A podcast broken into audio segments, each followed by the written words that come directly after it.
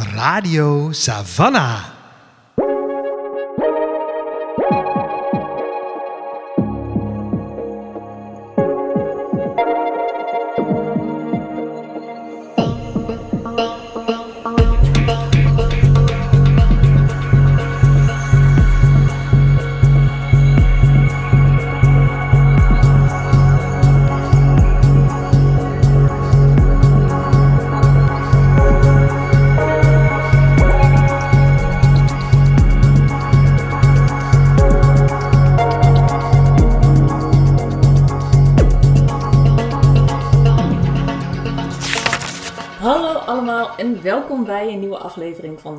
De podcast van boekwinkel Savannah B. Ik ben Suzanne En ik ben Lola. en Savannah B is een onafhankelijke boekwinkel in het centrum van Utrecht. Wij zijn gespecialiseerd in feministische literatuur. Voor ons betekent dat zoveel als literatuur op het snijvlak van gender, queerness, dekolonisatie en het klimaat. En elke aflevering zetten we een boek, verhaal of persoon in het zonnetje die we wat meer in de schijnwerpers willen zetten. Mhm. En deze aflevering zijn dat twee mensen, eigenlijk drie, en een boek. Eh, we zitten hier namelijk met Arjen Meudeweld en René Lompes. Yay. Welkom. Dankjewel. Eh, Voor ons wel even een momentje. Ja, ja. we zijn heel blij eh, dat jullie er zijn.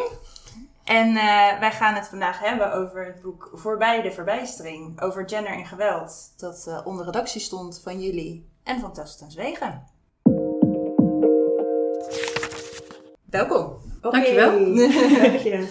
Welkom in de podcast, inderdaad. Ehm, nou zou het zomaar kunnen dat er iemand luistert die niet direct praat heeft wie jullie zijn. Dus we introduceren jullie even kort. René was directeur van Atria, natuurlijk het Kennisinstituut voor Emancipatie en Vrouwengeschiedenis. En was eh, vanaf 2016 hoogleraar Gender-Based Violence aan de UvA. En ze promoveerde in 1992 al op een proefschrift over gendergerelateerd geweld in Nederland. Eh, heeft dat onderzoek op allerlei manieren voortgezet en heeft dat ook heel duidelijk naar het maatschappelijke debat vertaald. En is heel veel betekend ook voor het op gang houden van dat gesprek, eh, met name in Nederland, wat we hebben meegemaakt. Daarnaast eh, zit hier Anja Meuleveld aan tafel. Zij is uiteraard feminist van het eerste uur, docente, politica, activiste en auteur. Voor onze luisteraars natuurlijk leuk om weer even te noemen dat zij betrokken was bij het opzetten van de feministische uitgeverij Sarah. Ja, Maar zij schreef natuurlijk ook ontzettend veel boeken, meer dan 50. Yes. Waaronder De Schaamte Voorbij, eh, het F-boek en onlangs natuurlijk eh, Alle Moeders Werken Al. En Tessel, eh, die onze luisteraars al kennen, die vandaag niet aanwezig kon zijn, helaas. Maar natuurlijk in spirit wel gewoon eh, hier is aan ons aan tafel. Zij studeerde Gender Studies aan de Universiteit van Utrecht. En zij publiceerde eh, Dit zou jij nou toelaten, ook over eh, partnergeweld en haar eigen ervaringen daar ook mee. En nu is daar eh voorbij de verbijstering, met, eh, onder redactie van jullie en van Tessel. Een bundel teksten, essays, gedichten, allerlei vormen eh, van werk over gender en geweld. Met eh uitgesproken bij Mazirel Pers. Ja. Mhm. Daarin zijn bijdragen van allerlei denkers, kunstenaars, wetenschappers, schrijvers, interessante mensen opgenomen. Mhm. Onder andere jullie zelf en Tessel natuurlijk, maar ook, ik noem er even een paar, Jeanette Jedda, Jerry Afri en Tammy Schoots. Mhm. En heel veel anderen. Ja. Het boek is er. Gefeliciteerd. Dankjewel. Maat, Hoe voelt het om het zo in handen te kunnen houden? Nou, heel fijn dat het af is hoor. Want het is. eh, eh, mensen denken wel eens dat als je een boek samenschrijft, dat je er dan niet zoveel werk aan hebt. Maar dat is echt een vergissing. Dat, eh, hoeveel werk dat was met, met zo'n hele batterij aan mensen die, die we achter, soms achter hun vodden aan moesten eh, zitten. En dan ook nog eh, met de uitgeverij, waar verschillende mensen, re- verschillende redacteuren zich ermee bemoeiden. Dan moesten wij het met z'n drieën ook nog overal over eens worden, wat trouwens niet zo vreselijk moeilijk was, maar het kost wel tijd. Zeker. Ja. En dat is, eh, dat is eh, flink werk hoor. Dat, eh, want mensen vragen wel eens, eh, ik weet dat ze aan Simon Vestdijk vroeg van vroeger, eh, vroegen, eh, meneer Vestdijk, is het niet heel erg moeilijk, is het niet heel erg zwaar werk om een boek te schrijven? Waarop hij zei, nee hoor, je kunt er toch bij blijven zitten. Dus in je eentje iets schrijven is hard werken, maar toch met z'n allen iets schrijven, dat is wel een klus zeg. Hey. Toch? Ja, en helemaal eens. Helemaal eens. Eh, Anja en ik hebben eerder ook een boek uh, samen gemaakt. En eh, toen hebben we het ook, het F-boek, en toen hebben we het er ook over gehad. Dan ben je als redacteur inderdaad, je moet en af en toe vooral een, een, een, bemoedigende boodschap overbrengen, maar soms moet je de politieagent zijn. En soms moet je de sociaal werker zijn en noem maar op. Maar kijk, ik vind wel het boek, daarmee heb je nu het palet aan stemmen wat we wilden. Ja. En, want ja, natuurlijk vinden we zelf iets, maar ehm, wij vonden het echt heel, we wilden heel graag juist een heel divers samengestelde groep mensen. Vrouwen, mannen, van alle kleuren dus, van wit tot zwart zeg ik dan maar even heel plat. En van alle genders. En dat, ja, dat is redelijk gelukt. Het enige denk ik dat wij hadden graag nog iets meer mannen erin gehad. Mm En dat is echt heel hard werken geweest. Ja. Om de mannen die er nu... Ja, ja, ja. Dan zie je dus dat mannen... Ik generaliseer nu even. Maar dat um, de kritische massa, om het maar even zo te zeggen, mhm. van mannen die zeggen, ja, daar vind ik wat van. En ik wil dat ook publiekelijk uitspreken. Mhm. Die is nog klein. Dus dat... Uh, ja. Want een aantal van de bijdragen van mannen in het boek, inderdaad, die gaan ook juist op dat, dat thema in. Van, ja. Ik ben een man, ik ben me daarvan bewust van, ik wist niet zeker of ik iets wilde schrijven. Ja, ja of ruimte in wilde nemen. Ja, ja. En hoe ga ik dat doen? Ja. Maar dat was ook precies aardig hoor. Want dat, was juist de reden, dat was, waren juist de mannen die we hebben wilden. Ja. ja. Die het niet vanzelfsprekend vinden, dan gaan we de meisjes eens even uitleggen hoe het echt zit. Hè? Ja. Het was niet speciaal het soort mannen waar wij op zaten te wachten. Die waren misschien heel makkelijk te vinden. Ja, die, die komen we regelmatig in de media tegen. Ja, die dienen zich wel aan via social media. Ja. Via, ja. ja. Op de achterflap staat ook een uh, oproep van Tim Hofman, die natuurlijk vaak voorkomt in dit boek als uh, presentator van Boos. En specifiek ook de aflevering over uh, The Voice.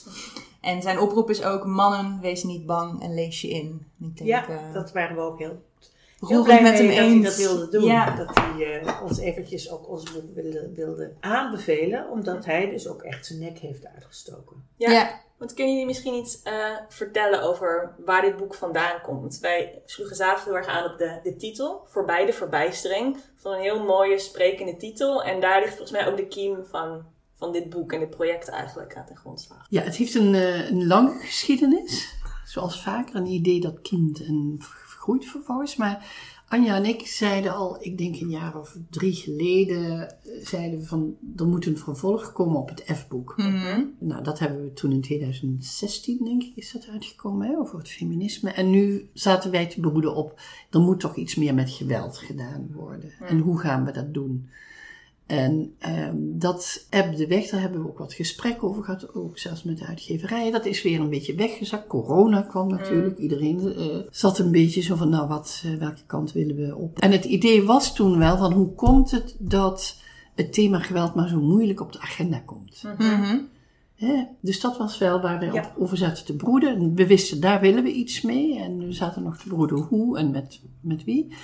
En toen kwam The Voice. En weer die verbijstering. Dat thema van hoe komt het dat het zo moeilijk landt.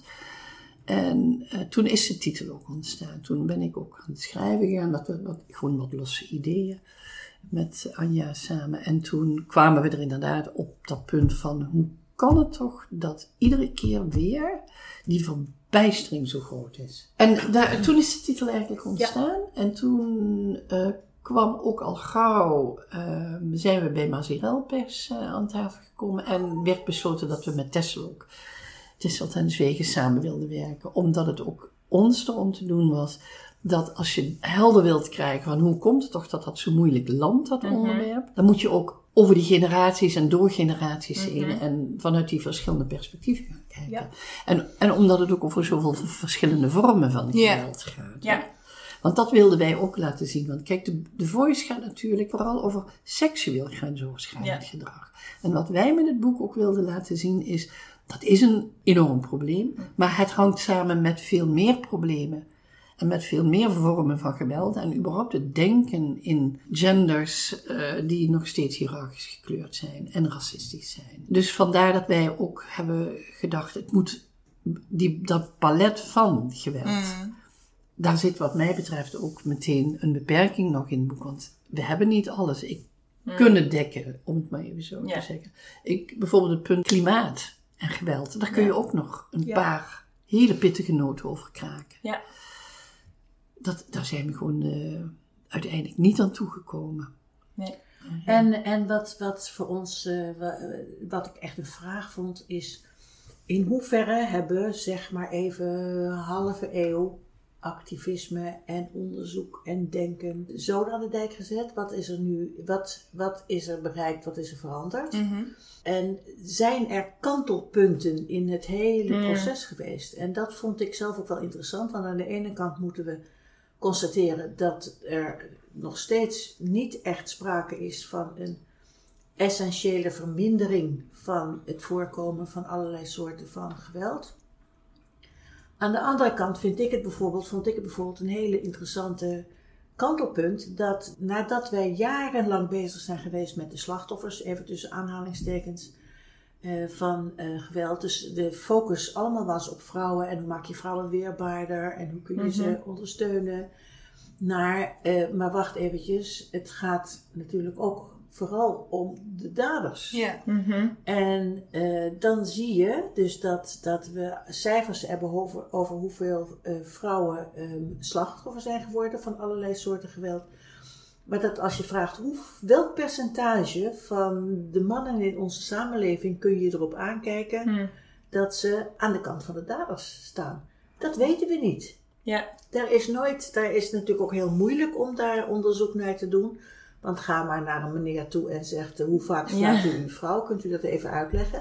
Voor de enquête. Eh, ja, Ja. Dat, dat, dat weet je niet. Behalve als het echt gaat om moord, wat nu femicide heet. Dan weet je tenminste, Ja. op elke vrouw die is vermoord, is er één man die heeft gemoord. Maar bij alle andere vormen, bijvoorbeeld van grensoverschrijdend eh, gedrag, nemen we dus aan dat iemand die daar lol in heeft, dat niet één keer doet. Ja. Maar hoe vaak weten we niet. Ja. Dus we kunnen eigenlijk nog steeds niet zeggen. We kunnen zeggen van nou hoeveel vrouwen. eh, eh, het, wat toch nog steeds een heel erg opvallend is. Dat, dat je eigenlijk moet zeggen het is nog steeds heel erg. Mhm. Maar hoeveel mannen nou eigenlijk aan de, aan de andere kant daarbij betrokken zijn. Dat weten we niet. Ja. We hebben enig idee, maar dat is voor een groot deel ook speculatie. Wat de motieven zijn. Mhm. Mm. Eh, ik heb vroeger als feministe van, nou ik was niet eerste uur, kwart over, maar eh, gedacht als vrouwen economisch zelfstandiger worden, Mhm. dan eh, kunnen ze ook weg. Mm. Dat zou eh, een slok schelen op een borrel bij, bij partnergeweld. En waar we dus achter komen, is dat aan de ene kant is dat natuurlijk zo. Vrouwen kunnen makkelijker zeggen Mhm. dan vroeger van dit, eh, eh, dit eh, eh, accepteer ik niet, afgelopen. Maar aan de andere kant zien we juist naarmate vrouwen zelfstandiger worden, de afweer van mannen van dat wijf kent op plaats niet meer, Ja. weer garant staat voor een andere soort van geweld. Alleen hoe zich dat verhoudt, weten we niet. Ja. Nee. Dat is voor een deel zijn dat dingen waar we. Waar we nee, ik heb, we hebben ehm, in het boek, er komen nog steeds eh, allerlei materiaal binnen. Eh, een artikel wat ik graag in mijn stuk zou hebben eh, verwerkt. Is eh, dat blijkt dat eh, juist vrouwen in leidinggevende functies zeggen vaak last te hebben gehad van seksueel grensoverschrijdend gedrag. 12% van de vrouwen in leidinggevende functies. Terwijl ik vroeger gedacht zou hebben, nou ja, dit, als vrouwen de baas zijn, wordt het natuurlijk anders. Ja. Ja, Nou. het lijkt juist iets op te roepen. Ja, en, dat, en, dat, en daar, daar, dat is, daar hebben we meer vragen over dan antwoorden, vind ik. Mm. En die vragen moesten we ook wel stellen. Het is een van Ja. de kantelpunten geweest met MeToo. Dat, Ja. dat eh, opeens de focus kwam te liggen op de mannen en de, de daders. En dat, dat, eh, nou, dat geeft ook weer, levert ook weer allerlei afweer en backlash op hoor. Dus daarmee is het probleem niet. Maar dat vind ik toch wel iets waar we eh, sinds we, eh, de- de- hè, dus sinds eh, René er eerste onderzoeken heeft gedaan, is dat toch wel een, een soort kantelmoment waardoor we ook anders moeten gaan denken. Ja. Ja. Ja, en ik denk dat ehm, inderdaad MeToo is natuurlijk, heeft een vlucht kunnen nemen, omdat door die infame uitspraken van Trump. hè. Mhm. Je kunt vrouwen in het kruis grijpen, want dat vinden ze helemaal niet erg. En je kunt dat doen als je macht hebt. Dat, dat heel de wereld stond op zijn kop. Ja. Dat was, dan hebben we het over november 2016. En de man wordt vervolgens gekozen. Dat was de schok. De schok van die politieke backlash die gaande is. Dat je zelfs met dit soort uitspraken, dat het er niet schadelijk is. Ja. Ja. Dat heeft MeToo-beweging, eh, zeg maar, de, de vleugels gegeven van verontwaardiging. Ja. Waardoor de Women's March in januari 2017 Ja. eh, plaats kon vinden in Washington en in een heleboel steden wereldwijd. En ik denk dat daar, dat is ook een kantelmoment, wil ik maar zeggen. Ja. Dat je dus, wat een heel paradoxaal kantelmoment is. Het was en Trump die liet zien van je komt er nog steeds weg mee. En tegelijkertijd liet de MeToo-beweging, heeft hij sindsdien en laat nog steeds zien. Ja, maar wacht even, niet zomaar. Ja. En welke kant het op zal gaan, ik denk dat zal nog moeten blijken. Want de backlash is wel degelijk gaande. Ja. Absoluut. Ja. En wat dat betreft. Maar het verzet ook, wil ik maar zeggen. Dus het zit, dus wat dat betreft, dat was ook een van de overwegingen waarom wij dachten, ook al is dit boek, weet je, je ideale boek is nooit klaar. Maar ehm, dat wij ook zeiden van, we moeten nu, dit is een, een tijdsdocument. ja. Ja. Ja. Het is een momentenopname. Elk boek is dat natuurlijk in, in zekere zin. Maar we, tenminste, wij waren ons hiervan bewust van. We staan op een moment dat dingen aan het kantelen zijn. En we weten eerlijk gezegd nog niet. Moeten we nou hoopvol zijn of pessimistisch, als ik het even heel simpel zeg? Ja, want er worden inderdaad ook door het boek heen zijn er bepaalde eh mediamomenten of politieke momenten, maatschappelijke momenten, die door meerdere auteurs worden aangehaald. Zoals inderdaad Trump, zoals MeToo, zoals Boos, zoals de, de studentenassociaties, Mhm. nog korter geleden. En die geven inderdaad ook een heel duidelijk een, een tijdsbeeld Ja. hier. Dus het is heel erg inderdaad aan een bepaald moment ook opgehangen, deze verhalen. Ja. Of in ieder geval geïnspireerd daardoor. Wat ik wel interessant vind, ook aan wat jullie nu vertellen, dat, dat idee van die verbijstering, dat komt in het boek, zeg, leggen jullie ook uit. Dat is deels begrijpelijk misschien, maar het is deels ook een manier om het er niet echt over te hoeven hebben. Als we ons allemaal verbijsterd kunnen voelen, iedere keer weer, jaren, decennia achter elkaar, dan is dat ook een manier om wel te, te reageren zonder echt iets te hoeven veranderen. En tegelijkertijd zeggen jullie nu ook, het heeft ook wel een bepaalde kracht, want het brengt mensen op de been, bijvoorbeeld met women's marches. Ja, weet je, die verbijstering, wat wij hebben willen laten zien is, dat is voor een deel afweer. Mm. Omdat je tot incidenten kunt Ja, eh, beperken. Hè. De verbijstering gaat over het incident, maar ook over, ik snap echt niet, snap jij dat, zo'n Trump? Jezus, dat die man er nog mee wegkomt. Dat is dus begrijpelijk, dat hebben we willen laten zien. Maar tegelijkertijd, door, dat, door dan te zeggen punt, Ja. ga je niet het structurele onder ogen zien. Kun je dat als het ware vermijden? Kun je denken, het is Trump, of het is, nou ja, Ali B, of het is eh, Marco Borsato, of het is Jeroen van Rietbergen, punt. Ja. Dat je dat structurele niet hoeft te zien, is natuurlijk geruststellend. Ja, Als je het verbijsterd kunt zijn, kun je en je morele verontwaardiging toch uiten, want het is natuurlijk een schande. En tegelijkertijd kun je zeggen, maar ik snap het eerlijk gezegd helemaal niet, want Ja. dan moet je toch gewoon wel heel raar in elkaar zitten. Dan zie je dus meteen, hoef je niet te zien, dat dit gewoon iets heel structureels is. Wat Ja. door zal gaan als je het daar niet met elkaar over gaat hebben. En vandaar dat eh, ik ook persoonlijk door het boek en ook geïnspireerd door onze samenwerking en eh, ook do- door naar verschillende generaties te kijken, echt mijn zorg over de invloed van sociale media enorm is toegenomen. En met name de, toen Andrew Tate, eh, ook weer zo'n incident waar iedereen, inclusief ikzelf, dacht van, hé, wat hebben we hier nou? een Ja. lone wolf. Nou Ja. nee, dat dacht ik toen nog niet, maar ik had van die hele man niet gehoord. Ik hoorde er pas van, zoals de meesten denk ik in Nederland en dat weet ik waar. Toen de man eh, in de boeien geslagen werd met een verhaal dit. Toen dacht ik? Toen ben ik me er dus in gaan verdiepen.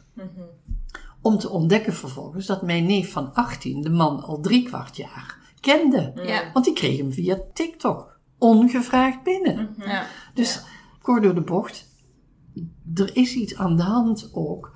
waar je ziet dat door generaties heen, dat het gaat verschillende vormen aannemen onder invloed van allerlei technologische ontwikkelingen, die voor een deel ondergronds heel lang kunnen blijven. Of in elk geval, ondergrond is misschien een groot woord, dat je dus ook ziet dat er tussen de generaties ook dingen aan het gebeuren zijn, waar we soms met elkaar het helemaal niet eens meer over hebben. Ja. Wat ik bijvoorbeeld heel, een heel eh, mooi initiatief vond, is naar aanleiding van die Andrew Tate-zaak, dat eh, een eh, paar scholen in Engeland hebben besloten om dit in, laten we zeggen, het vak maatschappijleer op te nemen. Dat er nu wekelijks gesproken wordt over wat je het meeste is opgevallen op TikTok. Ja. Om het, het erover te hebben, want daar heb ik een aantal docenten eh, interviews mee gelezen, die dus echt met hun handen in het haar zaten, met dezelfde wat, wat ik vertel, dat ze zich realiseerden, ik heb dit helemaal niet in de gaten gehad, terwijl ik geef hier wekelijks les aan ik weet niet hoeveel eh, studenten die het erover hebben, maar niet met mij. Ja. Ja. Maar ik vond dat ook een van de krachten van het boek. Dat we door de soort van die kantelpunten, dat zijn vaak dan dus machtige mannen in een medialandschap. Waarvan je ook kan zeggen, ja, die zit daar gewoon met al die camera's op zijn neus in een soort van alfa mannetjesfeer. Dat is daar in Hilversum of daar Ja. in Hollywood, zeg maar. En doordat dat in alle essays op verschillende manieren samengebracht wordt met een geleefde ervaring of met partnergeweld, wat meer in de ja, huiselijke sfeer eh, plaatsvindt, worden die verbindingen ook gelegd. En dus ook met zo'n Andrew Mhm. Tate, van, waarvan Ja. je dan kan denken, ja, dat is een ver van mijn bed show. En dan eh, in het essay wat daarover gaat ook, zegt iemand, ja, dat zijn dus ook inderdaad je neefje of je buurjongetje of wat dan ook. En dat vond ik heel, door het allemaal te bundelen, zeg maar, wordt dat ook heel duidelijk. Dan komt, wordt eigenlijk die structuur zichtbaar. Kan je niet meer wijzen van, oh ja, maar dat is daar. Ja, ja, ja. En wat de, in de aansluiting nog, wat mij trof, als je naar die Andrew Tate kijkt, die jongen heeft dus miljoenen Ja. volgers. Ja. Miljoenen Ja. die dit gif dagelijks binnenkrijgen. Ja.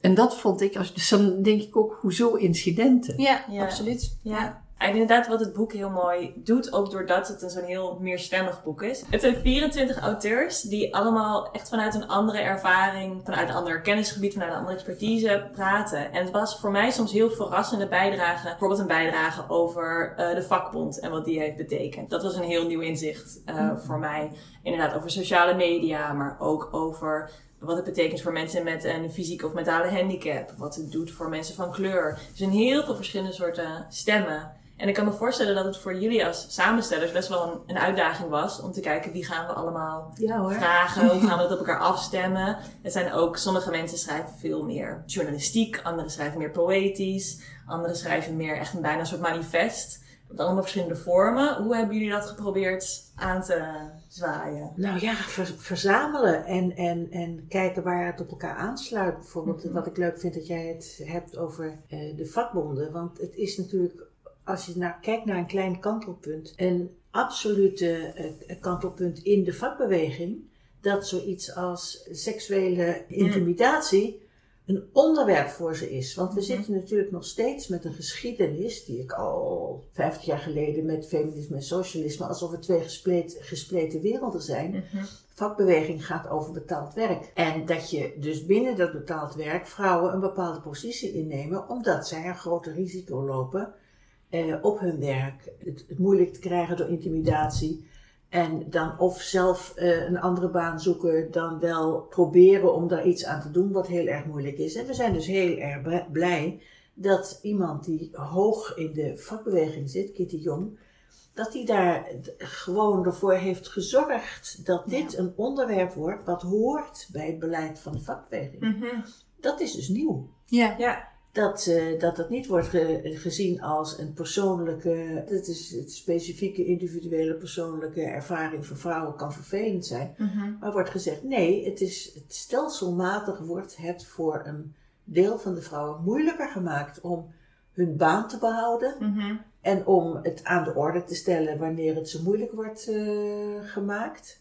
Nou, dat is dus een begin van dat ook vakbeweging eh, dit gaan zien als dit is ons werk om Ja. ervoor te zorgen. Ja. Ja. dat vrouwen veilig zijn op de, op de werkvloer. En een ander concept dat voor mij helemaal nieuw was, was ehm, obstetric Obstetric Violence. Ja. Ja. Mhm. En dat is een bijlage van eh Gunilla Kleiverda. Het was een concept dat ik nooit gehoord Ja. had. En een verhaal wat ik heel eye-opening een beetje vond, Ja. inderdaad. Dus het gaat over eh, het geweld dat mensen met een baarmoeder die in verwachting raken, of nog voor zelfs eh, in verwachting raken soms. Het geweld dat hen wordt aangedaan en de keuzevrijheid die hen wordt afgenomen. Vaak met het argument gericht op de foetus, het aankomende kind, het nog niet geboren. Dat is een, een vorm van, van geweld tegen vrouwen. Als iemand er een stuk over schrijft, begrijp ik inderdaad dat het bestaat. Maar het is een volledige blinde vlek voor mij geweest voordat ik dit, dit las. Dat is ook ehm, een voorbeeld van een onderwerp waarvan wij, waar wij als het ware op stuiten. En Ah. dachten, wow, daar moeten we toch ook maar iets mee. In die zin is het boek ook het resultaat van een, eh, van een zoektocht. Ja, over die actualiteit en die veelvormigheid waar we Ja. het eerder over hadden. Dat, dat we ons realiseren dat het gaat door en het krijgt verschillende vormen. Dat is eh, even de pessimist in mij die spreekt dan. Hè? Dat ik denk, het geweld is in de loop met het voortschrijden van technologie, zie je gewoon dat de vormen van geweld meer divers worden. Mhm. En juist niet minder worden. Of dat het bijvoorbeeld, je kunt ook, en voor een deel is het natuurlijk ook zo, dat de sociale media, dat is ook een van de, de verklaringen van MeToo, dankzij de sociale media is er een platform in heel korte tijd gekomen waar vrouwen inderdaad een vuist konden maken. Of in elk geval hun stem konden laten horen. Mhm. Ongecensureerd. En zeg maar zelfs de regie namen. Dus dat is een enorme radicale transformatie zou je kunnen zeggen. Mhm. Als het gaat over welk verzet en welke mogelijkheden hebben vrouwen en mannen ook. Dus om zich te verzetten. En tegelijkertijd zie je dus weer dat het ook weer mensen inspireert om andere vormen van geweld te ontwikkelen. Ja, Want met name ja, de, de, van de dickpics tot de slutshaming, you name it, zal ik maar zeggen. Ja. Welke variant het heeft gekregen. De inzet van GPS-technieken om eh, Ja. mensen te gaan volgen, Ja. om te bespieden. Dus ja, dat obstetric violence is dan één voorbeeld waarvan wij dachten, god, hier moeten we iets mee. En tegelijkertijd laat het zien dat er een heleboel eh, aspecten nog niet in het boek zitten. ja. ja dat eh, is maar we zo dachten, dit, natuurlijk. nu dit. En Ja, we hadden, we hadden ook een heel boek kunnen schrijven over rondom reproductieve rechten, Ja. hè, bijvoorbeeld. Want, en dan breid je Ja. het ook weer uit. Dan gaat het niet alleen maar echt om geweld, maar eh, hoeveel zeggenschap hebben vrouwen over keuze hebben. We zeggen tegenwoordig, en het is natuurlijk ook een absoluut punt, vrouwen kunnen tegenwoordig kiezen of ze al of niet kinderen willen krijgen. En het wordt niet meer per se abnormaal gevonden als je zegt, nou, ik laat mijn buurt, eh, het sla ik over. Mhm. Dat kan, maar dat betekent nog niet dat dat onproblematisch is. Hè? Mhm. Dus ik werk, dat is echt een ander onderwerp en dat zit in een ander boek. eh, ehm, eh, alle moeders werken al. Ik werk veel met alleenstaande moeders die het ongelooflijk moeilijk hebben om, eh, die hebben dan kinderen, die zijn in hun eentje, die komen heel erg moeilijk aan voldoende geld om van te leven. Eh, die komen echt, hebben een groot risico om in langdurige armoede terecht te komen. Dan denk je van ja, we hebben dus het recht om kinderen te krijgen en ook het recht om geen kinderen te krijgen. Maar het geen kinderen krijgen wordt eh, de laatste tijd bedreigd doordat in veel landen nu eh, alles wat gewonnen is aan recht op abortus weer wordt teruggenomen. Mm. En het recht om wel kinderen te krijgen is ook niet zo eenvoudig, omdat daar, eh, eh, het wordt tegenwoordig gezien als een pure individuele keuze. Mhm. Ik weet dat de vrouw die Single Supermom heeft opge, eh, opgericht, ook een alleenstaande moeder is, te horen kreeg. Dan had je je benen maar bij elkaar moeten houden. Mm. Weet je, dus er is de, het is, je zou een, met een andere invalshoek, bijvoorbeeld reproductieve rechten, zou je een ander boek hebben kunnen schrijven wat dit overlapt. Ja. En het, het, het, het lastige daarvan is dat we dus op allerlei vormen komen van, nou, noem het toch nog maar even onderdrukking, die niet als zodanig worden benoemd. Ja. En dan blijkt dat je het nodig hebt om daar woorden aan te geven, anders zie je het niet. Ja. Wij ook niet, hè? Dus eh, door dat iets te noemen, reproductieve rechten, het recht om geen kinderen te krijgen, maar ook het recht om wel kinderen te krijgen, wat ook een beweging is in de Verenigde Staten van zwarte vrouwen met name. Van, eh, we hebben het recht om kinderen te krijgen, maar we worden daar wel totaal bij alleen gelaten. Mhm. En we hebben de kans dat geldt trouwens in Nederland ook bij de, die vreselijke toeslagenaffaire, Mhm. hebben iets van duizend vrouwen zijn hun kinderen kwijtgeraakt. En in sommige gevallen is het terecht dat kinderen worden overgenomen door de overheid omdat de moeder niet meer in staat is om door zo gestrest is dat ze niet meer in staat is om voor ze te zorgen. Maar ze krijgen ze ook niet meer terug. En dat denk ik van hoe bestaat dat? Ja. Dat is een vorm van, dat is een andere vorm van geweld, vind ik. Waarbij je eh, dus eh, ja, geacht wordt dat aan bepaalde normen te voldoen. En als je daar niet aan kunt voldoen door allerlei omstandigheden, word je niet geholpen om die omstandigheden te veranderen, dan word je kinderen afgenomen. Ja. Hoe kan dat? Kijk, we, we schuiven nu naar een ander boek wat we nog niet hebben. Nee, ik deel twee, Ja, ik wil Dus het, het, het, het, dat is het punt. Naarmate je er langer mee bezig bent, is de frame waarin je denkt, wordt steeds breder en groter. Ja. Ja, en dit gaat natuurlijk ook eh, over ja, wat ik dan noem een genderframe. Dat je laat zien dat de, in dit geval geweld, maar daar heb ik het even over fysiek geweld of seksueel geweld, dat dat dus samenhangt in Ja. dat grote verhaal van achterstelling en inderdaad, eh, het woord onderdrukking mag ook eh, nog wel eens eh, af en toe van de stal gehaald worden. Maar dat het dus verweven is met, ja, daar kom ik weer terug op die titel. Mhm. Als je dat ziet, dan hoef je niet verbijsterd te zijn. Maar dan, Ja. dat is ook een aansporing tot wat kunnen we doen om hieraan voorbij te komen. Ja. Maar voorbij te komen aan het feit van het geweld. En kijk, ik zeg dan even, maar dat is misschien ook mijn, eh mijn criminologe achtergrond. Maar ook als feminist zeg ik, het is belangrijk om te zien dat dat banale, zou ik bijna willen zeggen, geweld in de vorm van een overschrijding van die fysieke grenzen Mm. het ouderwetse geweld, het slaan enzovoort en het seksuele geweld, dat het daar nog steeds ook over gaat. Ja. Ook al hangt dat samen met dat grote verhaal, Mhm. eh, waar, waar het gaat over rechten die geweld worden aangedaan. Ik vind dat echt na al die tijd dat ik me op dit onder, eh, onderwerp heb mogen specialiseren, ik vind het echt nog steeds schokkend. Dat ik denk, hoe komt het toch dat we daar nog zoveel moeite mee hebben om dat te beheersen? En tegelijkertijd realiseer ik me dan, dat is ook, in die zin ben ik natuurlijk uiteraard ook een kind van mijn tijd. Dat het ook te maken heeft wat ik gewoon zeg maar wel als intellectueel kan begrijpen. Dat wij in het, zeker in het Westen, en het Witte Westen helemaal, een beeld hebben, een zelfbeeld hebben, waarin we de boel onder controle hebben. Mm. Ja. Wij zijn rationele wezen. Ondanks Freud. Wij vinden dat wij uiteindelijk de boel onder controle hebben. En zeker de lelijke kanten. Ja. Hebben Kijk, opgelost. seks, daar willen we nog wel aan denken. Dat kunnen we misschien nog wel denken, bedoel ik. Dat dat een soort impuls is waarvan je soms ook denkt van... God, ja, waar komt het nou eigenlijk vandaan? Maar daar zit je dan verder niet mee, wil ik maar zeggen. Hè? Want dat is over het algemeen leuk. Maar geweld, dat is gewoon heel onaangenaam. Agressie is onaangenaam. Niemand, ik, hè, ook degenen die het doen...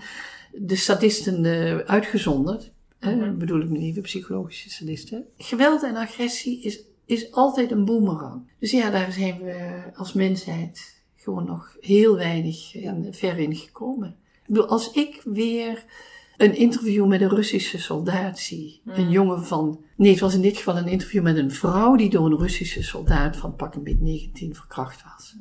En die vrouw vertelt hoe dat gegaan is. En dat ze tegen die jongen zegt, maar heb je geen vriendin? Ik kan je moeder zijn. En dat zo'n jongen gewoon achterloos zijn schouders ophaalt en haar vervolgens verkracht.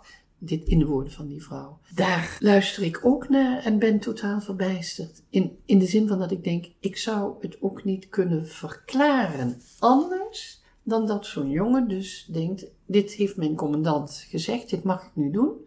En dan mag het. Ja, want dat, is, dat, dat zijn in ons boek eigenlijk voornamelijk vragen, minder dan eh, antwoorden. Want ik vind het bijvoorbeeld nog steeds haast niet te geloven dat we aan de ene kant zeggen we zijn terechtgekomen in een samenleving waarin het normaal is dat vrouwen en mannen gelijkwaardig zijn.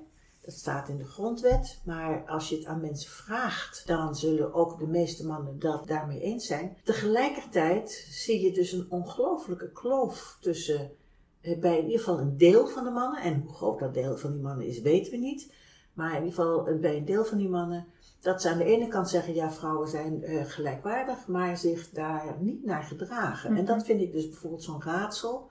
Ik heb in mijn artikel ook eh, Kate Mann aangehaald, die een verschil maakt tussen, een onderscheid maakt tussen seksisme. Hoe denken wij over mannelijkheid en vrouwelijkheid? Want dat zit nog steeds tamelijk diep. En waar gaat het over vrouwenhaat? En zij zegt, het gaat er niet om dat iemand, een man, alle vrouwen haat. Mm. Hij haat vrouwen die niet doen wat hij wil, die eh, een plaats innemen waarvan hij vindt dat is jouw recht niet. Eh, dus die de plaats niet kent. Mhm.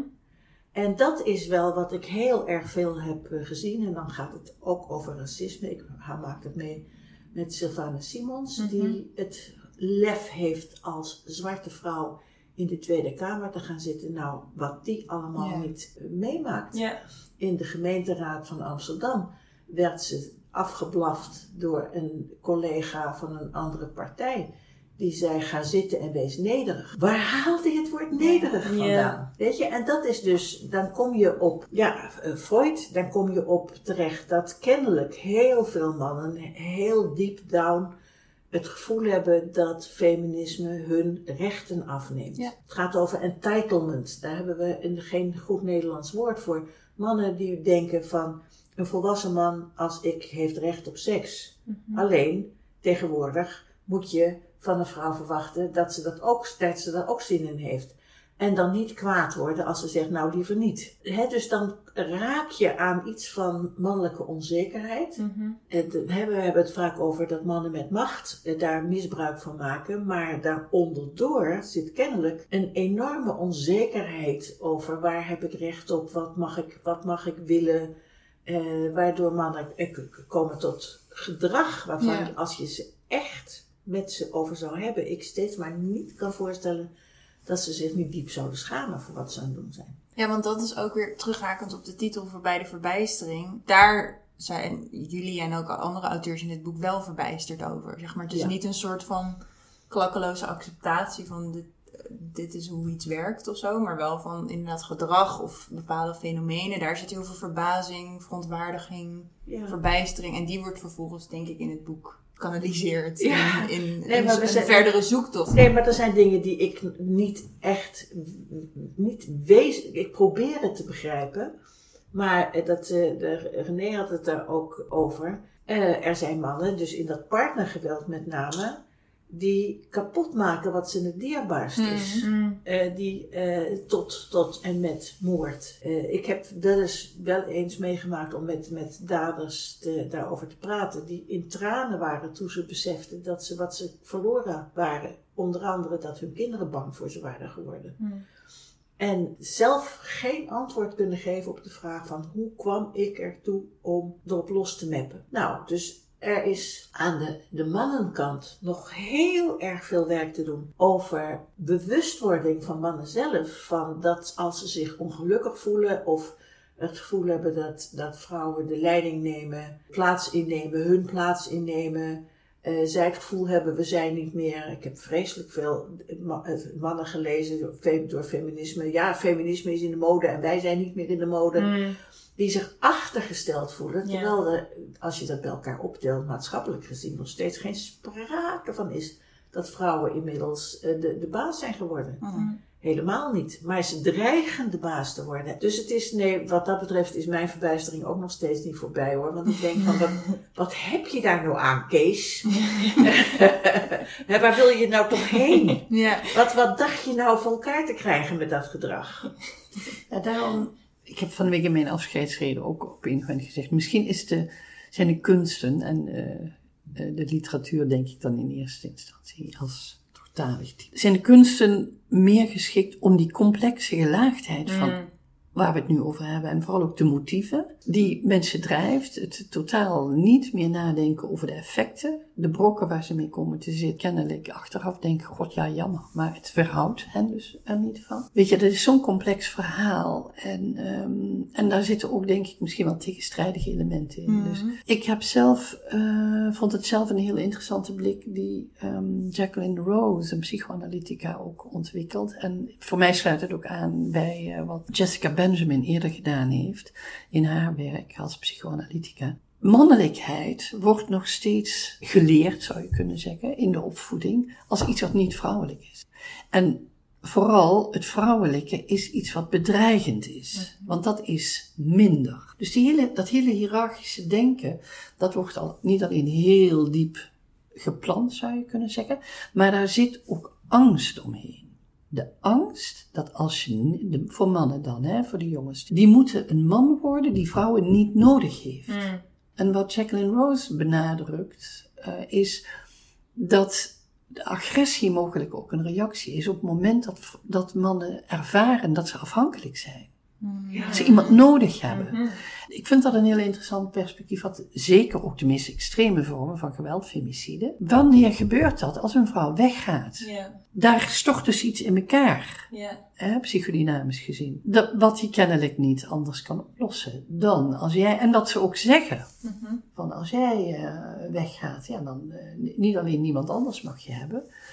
Maar eh, dat, dat kan niet, dat is onverdraaglijk. En Ja. dat zie je dus ook de, soms de combinatie van de vrouw die gedood wordt en dat ze vervolgens de hand aan zichzelf slaan. Dus die hele diep gewortelde afhankelijkheid die mannen ervaren, als ze niet alleen maar de baas zijn, daar weten we eigenlijk zo Ja. weinig van. Maar dat is bijvoorbeeld een, een, een, een, wat ik in mijn stuk ook aanhaal. De verklaring voor dat eh, eh, zoveel mannen nog steeds ontzettend hè, dus hoofdvol hebben van we gaan het nu allemaal samen delen in, in heteroseksuele stellen. Maar als het erop aankomt dat niet doen. Ja. Mhm. Eh, dat heeft ermee te, te maken dat zolang je een vrouw hebt die eh, de hoofdverantwoordelijkheid heeft voor de zorg, Mhm. je je niet afhankelijk hoeft te voelen. Mhm. Het moment dat ze er ophoudt of eisen gaat stellen en zeggen we willen het delen, dan wordt dat, dat is dus bedreigend voor het gevoel van eigenwaarde van kennelijk behoorlijk wat mannen. Mhm. Anders kun je niet verklaren dat 40% van de, de stellen vindt dat ze samen de, de zorg gaan delen thuis en dat maar 10%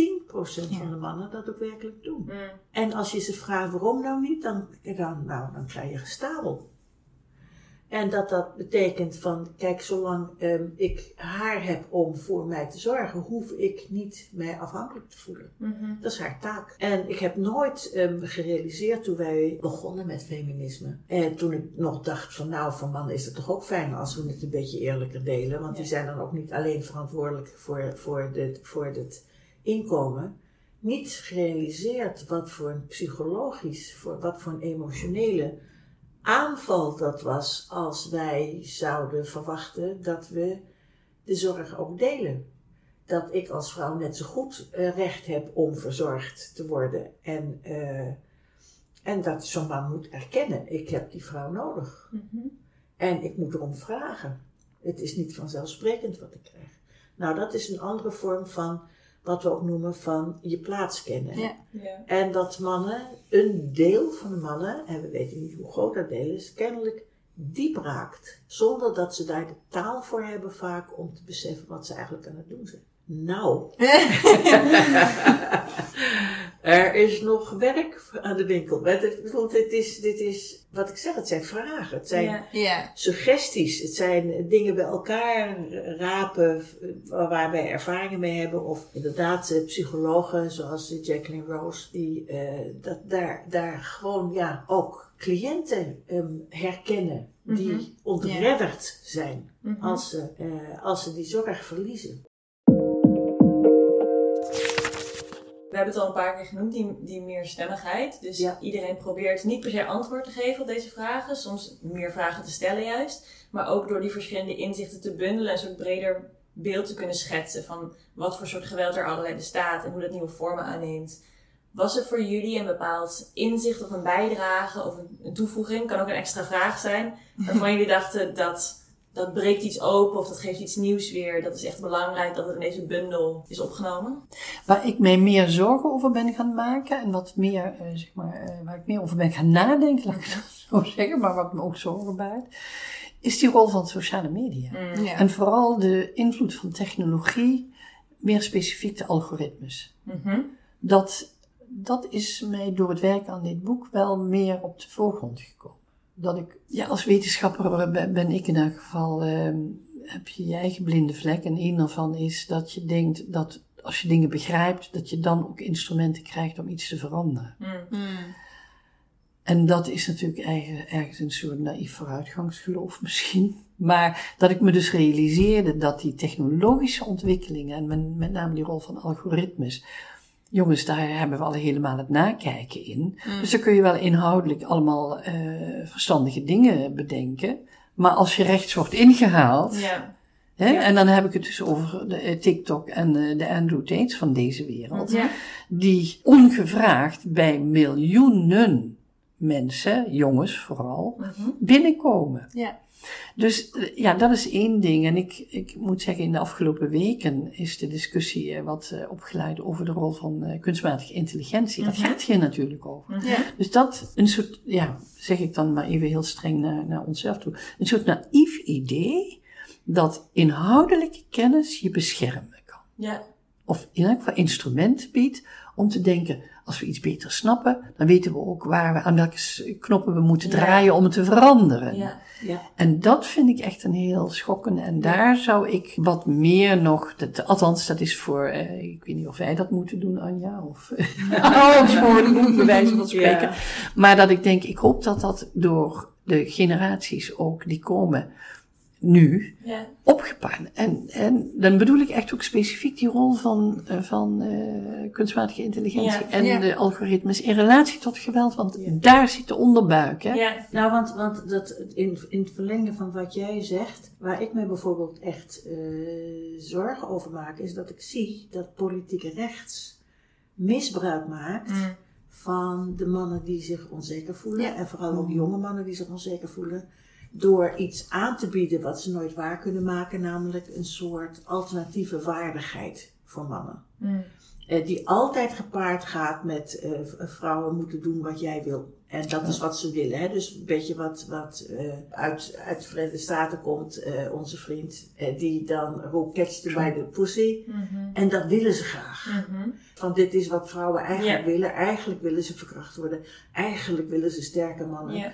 Dat is een pseudo-mannelijkheid die, die eh, wordt, eh, min of meer wordt aangeboden, waar heel veel mannen gevoelig voor zijn. En wat een absoluut een onderdeel uitmaakt van het hele ultrarechtse Ja. eh, politiek, wat ook gaat tegen migranten en ook gaat tegen al die migranten met hun seks, die zijn gevaarlijk voor onze vrouwen. Dat zit een hele klont, onsmakelijke klont. Ja. Maar er wordt mannen dus iets beloofd dat niet waar te maken valt, aangezien er te weinig vrouwen zijn die aan dit sprookje nog deel willen nemen. Dus Ja. dat is per definitie frustrerend, waardoor ze zich aan elkaar vast gaan klampen. Zie je wel, die rotwijven.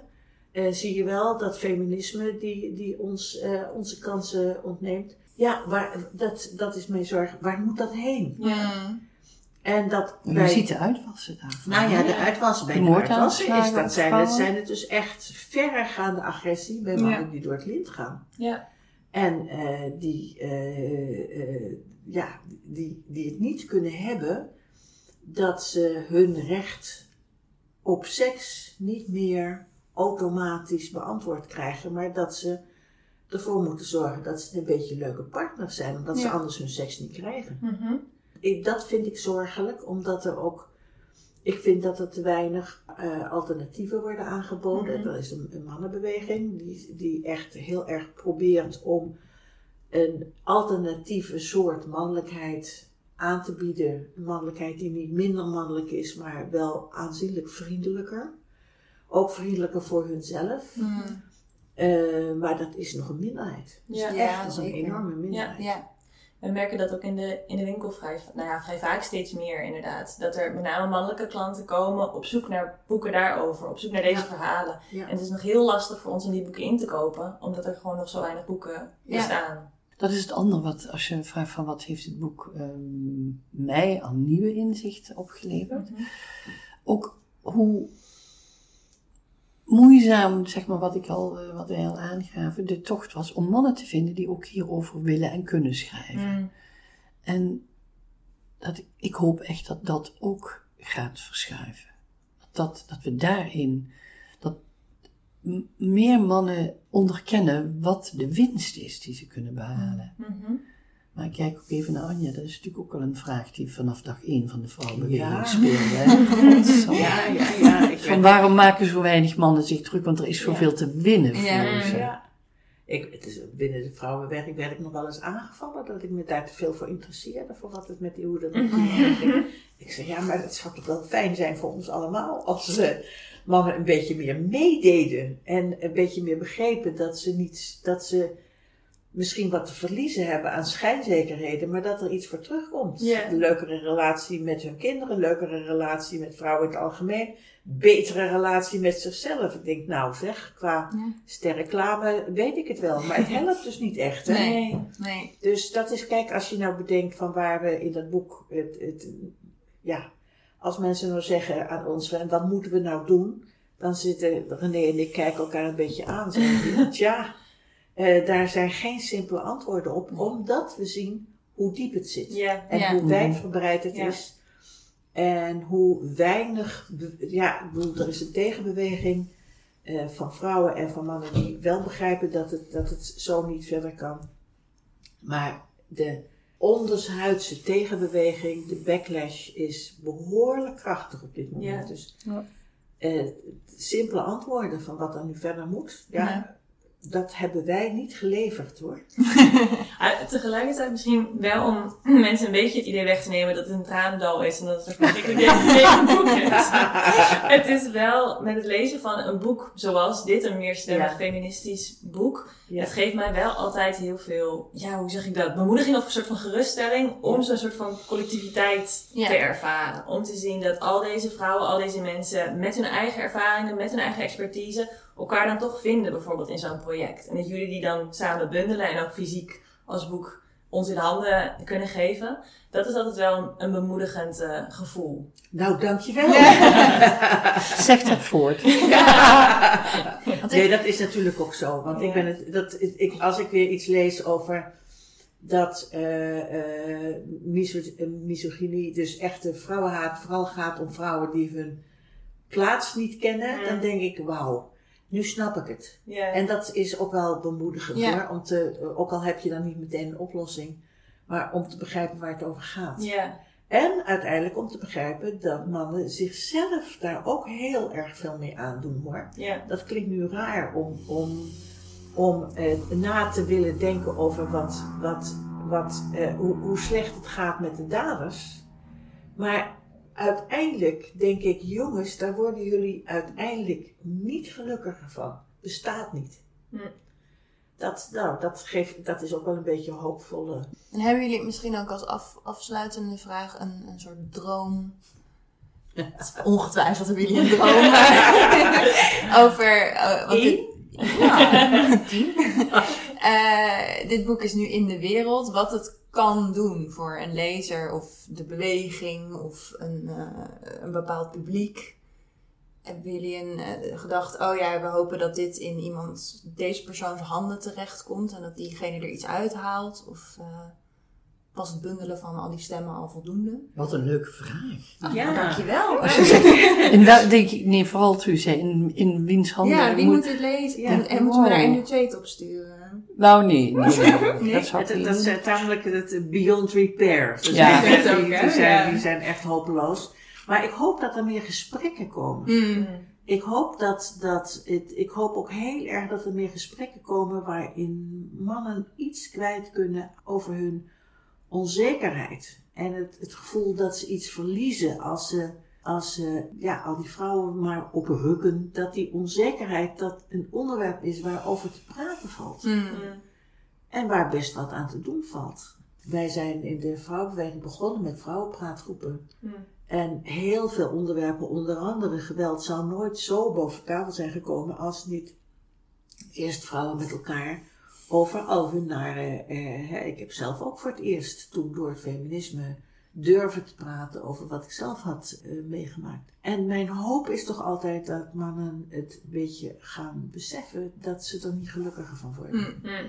En dat er andere, dat er al, werkelijk alternatieven zijn. Hè, dus dat het toegeven van onzekerheid niet maakt dat ze minder waard zijn. Ook niet dat ze minder mannelijk zijn. Dat zijn van die mythes waar ze echt van af moeten. Dus als daar een beetje meer over gepraat gaat worden. Eh, als er wat meer ook in de media eh, gespeeld wordt, ook met, met soorten van mannelijkheid. Mannen die durven te erkennen dat, eh, dat ze het ook niet altijd makkelijk hebben. Nou, mijn hoop is gevestigd op mannen die elkaar aanspreken. Mm. Ik heb bijvoorbeeld een, een, een hele leuke zwager. Ik geloof die valt dan in die categorie 5%. Die het wel lukt om en echt te delen en eh, nooit zijn handen laten wapperen als hem iets niet zint. Gewoon een fatsoenlijke, aardige, lieve man. Dat die zich meer gaan uit, dit type mannen bedoel ik dan, Mm. die inderdaad de winst ook zien, dat die zich meer uitspreken en gewoon ook zeggen, joh, doe normaal. Ja. Hou ermee op. Mm. Doe normaal. Ja. Ik denk, ja, kijk, de, de vrouwen en zeker de, de, de vrouwen vanuit de vrouwenbeweging en feministen, die hebben volgens mij toch langzamerhand bijna alles gezegd wat er te zeggen valt. Tenminste, ik ben een beetje psychoanalytisch aangehouden, zoals het dan heet. En ik, ik geloof zelf dat dat een heel overtuigend perspectief is om te kunnen begrijpen in elk geval waarom het zo ongelooflijk diep zit en dus heel hardnekkig is. Ik heb ook wel eens gezegd, zoals eh, Gloria Wekker zegt, er is een soort cultureel archief waarin we zinken als het ware als het gaat over het duiden van gedrag van mensen die dan anders eh, eruit eh, zien als de witte Nederlander. Zo is er ook een gender, genderarchief. Waar we gewoon tot over onze enkels nog in zitten. Als het gaat over ons denken, over wat, wat zijn mannen en vrouwen. Überhaupt het vermogen of het onvermogen vooral om te kunnen denken dat gender een continuum is waar een heleboel posities Mm. daartussenin zitten. Ja, ik hoop dus dat dat eh, inzicht gewoon gaat, gaat indalen. En tegelijkertijd denk ik, ja, dat zal heel lang duren. Ik geloof er geloof ik wel in dat... Maar goed, ik vind dat optimisme is een morele plicht. Dus ik denk dat maar vijf generaties na ons... komt er misschien echt iets eh, aan beweging. Dat is een echternachprocessie. Drie stappen vooruit, twee stappen terug. Ja. Ja. Maar het gaat per saldo wel. Althans, ik vind dat vooruitgang.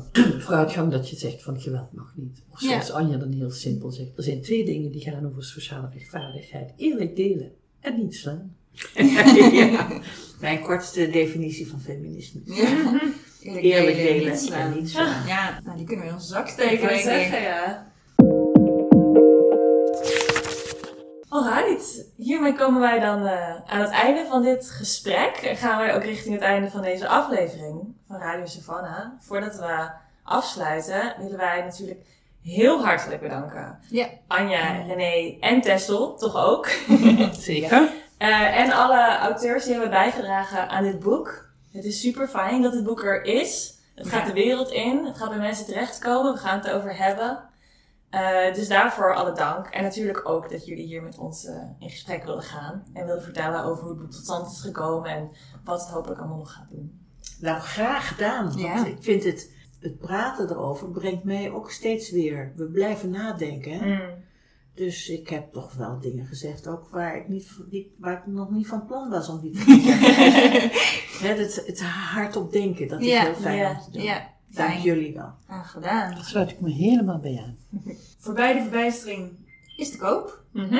Bij uw lokale feministische boekwinkel, maar ook op allerlei andere plekken. Maar vooral bij je lokale feministische boekwinkel. Vooral die. Heel goed. Ehm, Dus doe dat vooral. mocht je het leuk vinden om met ons mee te kletsen over dit boek, over de thema's die we vandaag besproken hebben, dan zijn wij op alle social media te vinden. Het boekwinkel Savannah B. Wij zijn te mailen. Eh, dat vinden we allemaal he- heel gezellig. De winkel is gewoon open. Kom winkel- aanmaaien. Kom Precies. kletsen. Ja. Eh, wij bedanken naast onze geweldige gasten ook nog Koeflux voor het maken van onze teammuziek. En Lieke Bloem voor het maken van ons logo. Yes. En we bedanken jullie voor het luisteren. Tot de volgende keer weer. Dag. Dag.